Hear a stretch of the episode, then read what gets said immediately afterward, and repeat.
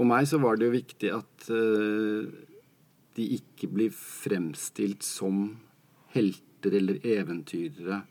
Fordi da jeg kom ned dit og møtte Joshua French og Kjostov Boland, så framsto de på en helt annen måte enn det jeg hadde fått inntrykk av i mediene. Hvor de var litt sånn røffe villbasser på en motorsykkel. Eh, de framsto så mye mer profesjonelle og gjennomtenkte. Eh, de ønsket å være leiesoldater. De ønsket å være på skarpe oppdrag inne i Kongo.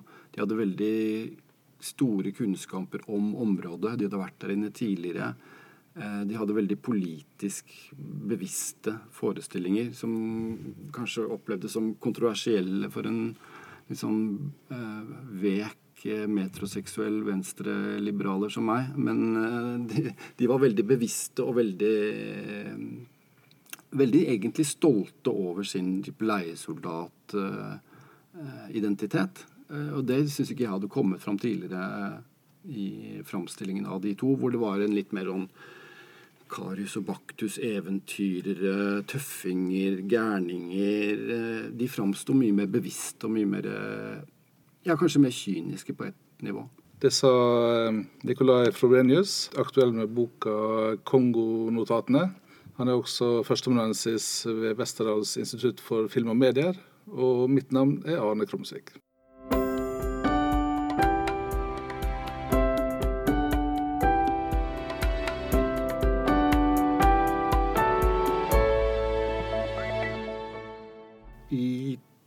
2012 så leste jeg Morten Strøksnes sin eh, dokumentarroman 'Et mord i Kongo'. Og ble veldig grepet av den. Syntes det var en veldig god eh, bok. Eh, vi, jeg snakket med mine venner i Frilandfilm, produsenter, og vi bestemte oss for å ta ut opsjon på den boken for å se om det var mulig å lage et filmprosjekt ut av det.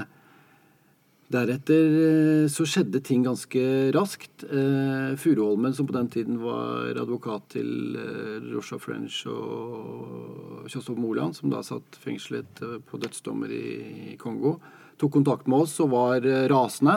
Og Joshua French skrev brev til oss fra fengselet i Kinshasa og var rasende og mente at dette gikk ikke an. De ville ha innflytelse på dette prosjektet. Og inviterte, Joshua inviterte oss da ned til eh, Ndolo militærfengsel i Kinshasa. Eh, hvor han skulle fortelle oss den sanne historien om hva som egentlig skjedde i Kongo i 2009. Når Kjosto Moland og Joshua French ble arrestert og mistenkt og dømt for drapet på Abedi Kosongo i Øst-Kongo mai 2009.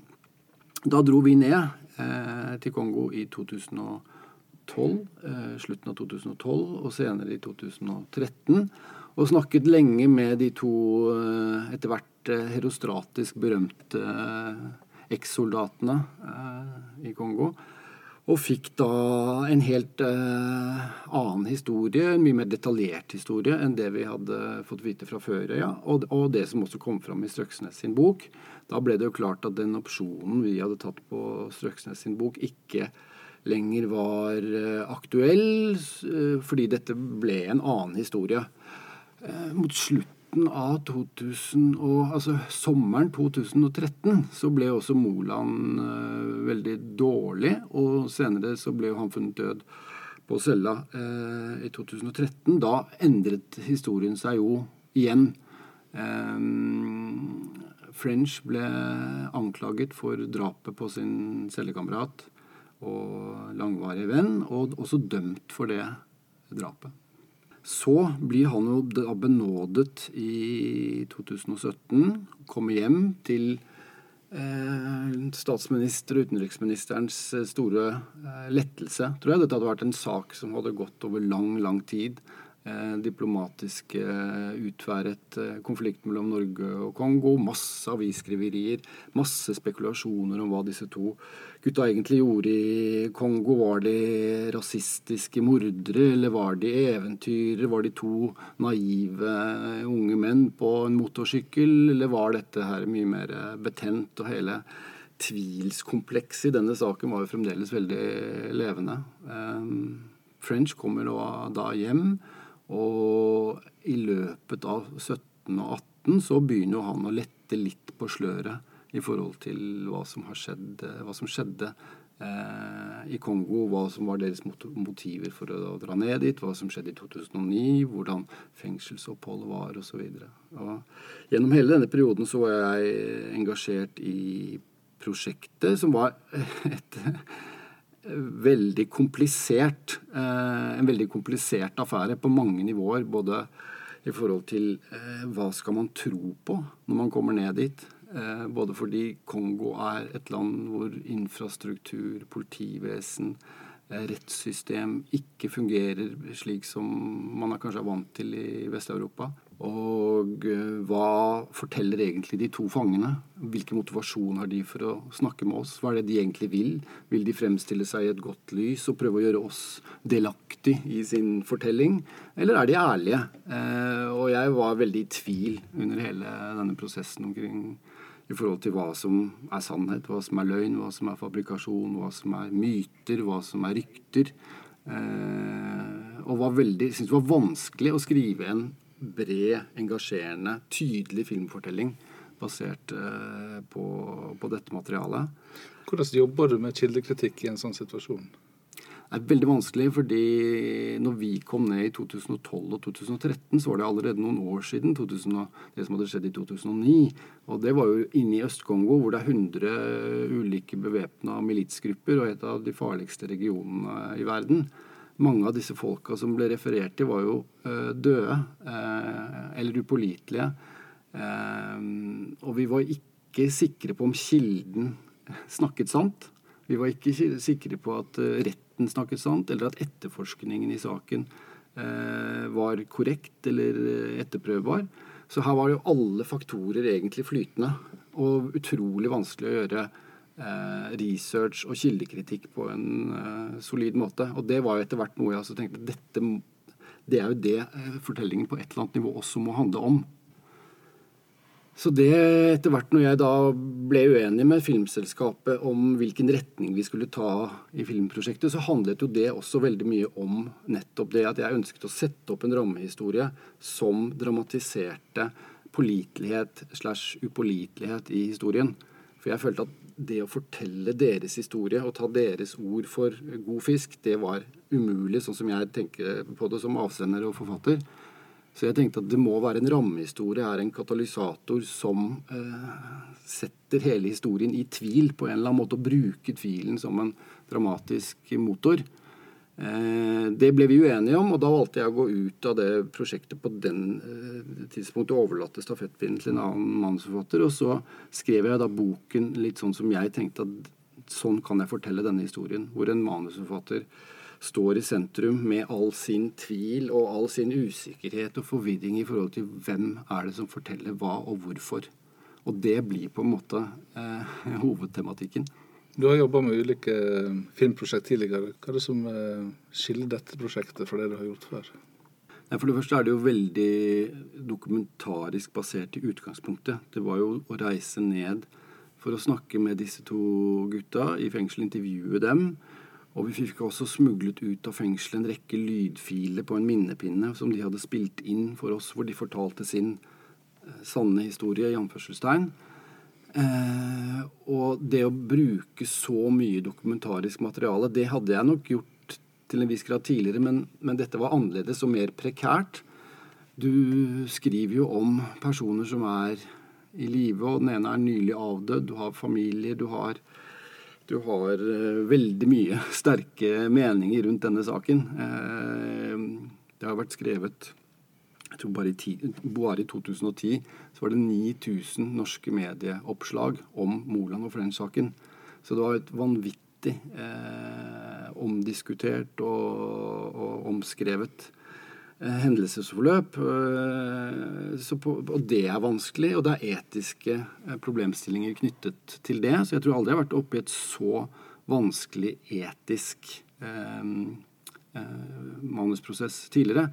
Og så kommer jo i tillegg konflikt med produsent om hvilken retning man skal gå. Hva av dette er taushetsbelagt? Eh, Men også tilgang Jeg hadde jo fått tilgang til en del informasjon som jeg også følte var viktig at kom ut. Så du føler deg også som forfatter revet mellom hva er det min plikt å fortelle, og hva er det jeg ikke kan fortelle fordi det er taushetsbelagt. Her var det også veldig mange diskusjoner både av juridisk og etisk art. Da.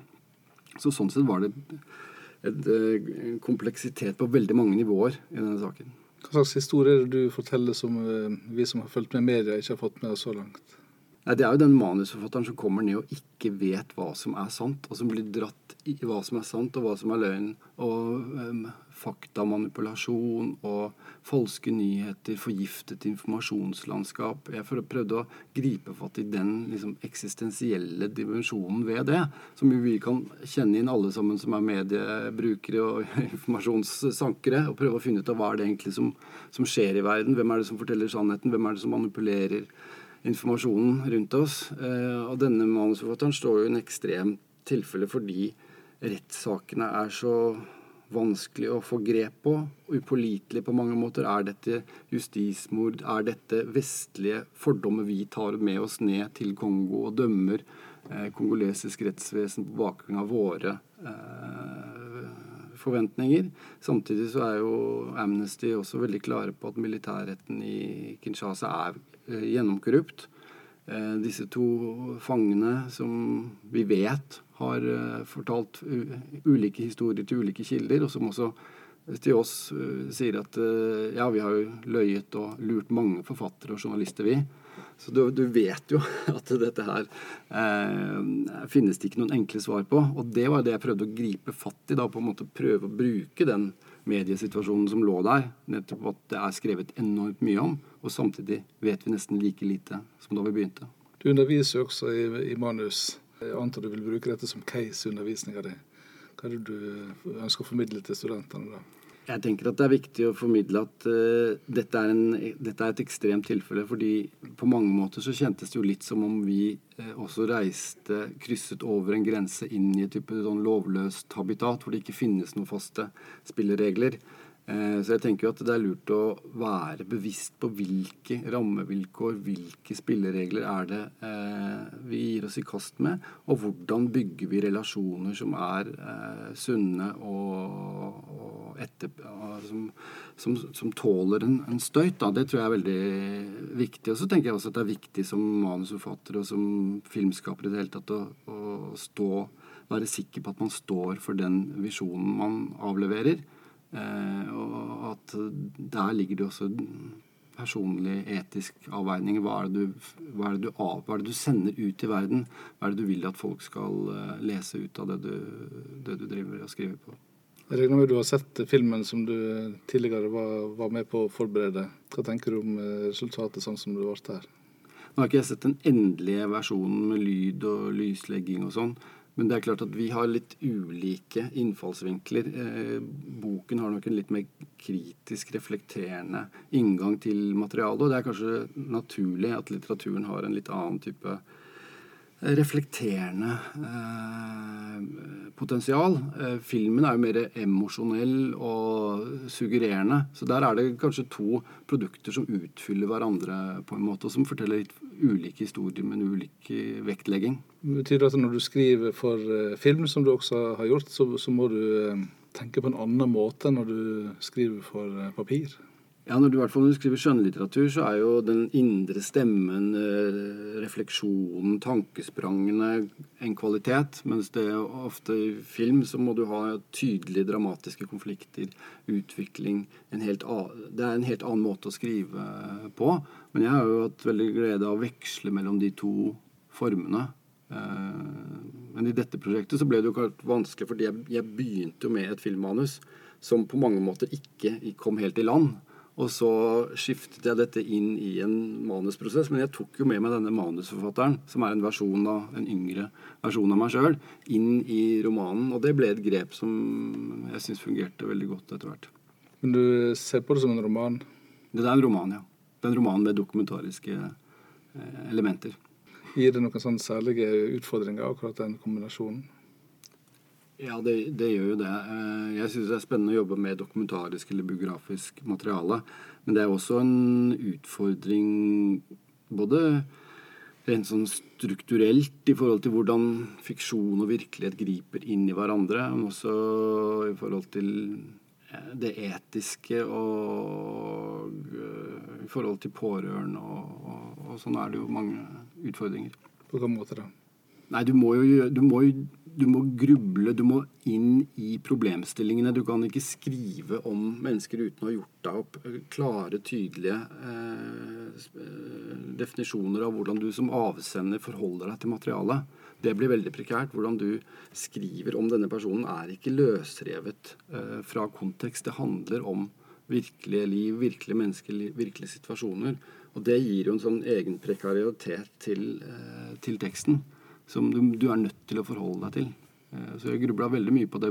Hvor mye er det riktig å skrive om dem, og på hvilken måte? Og hvordan kan romanen også formidle at dette er en eh, del fiksjon og en del dokumentarisk stoff som er litterarisert og fiksjonalisert? da. Opplevde du det som, som farlig å gjøre research til en bok som dette her? Det er jo eh, Militærfengselet i Kinshasa er jo et veldig voldelig sted. Så det er klart, der, der, eh, er, det er et farlig sted. Eh, og Kongo i det hele tatt der kan jo være et farlig sted. Nå følte ikke jeg noen sånn direkte trussel på, på, kroppen. Men det er klart, også i en mer sånn billedlig forstand så er det jo et farlig prosjekt fordi det handler om drap. Det handler om mistanker. Det handler om dommer. Det handler om folks eh, liv og død i ytterste forstand. Så det er klart det står veldig mye på spill for mange aktører her. Så, sånn sett så er det et risikoprosjekt på flere nivåer.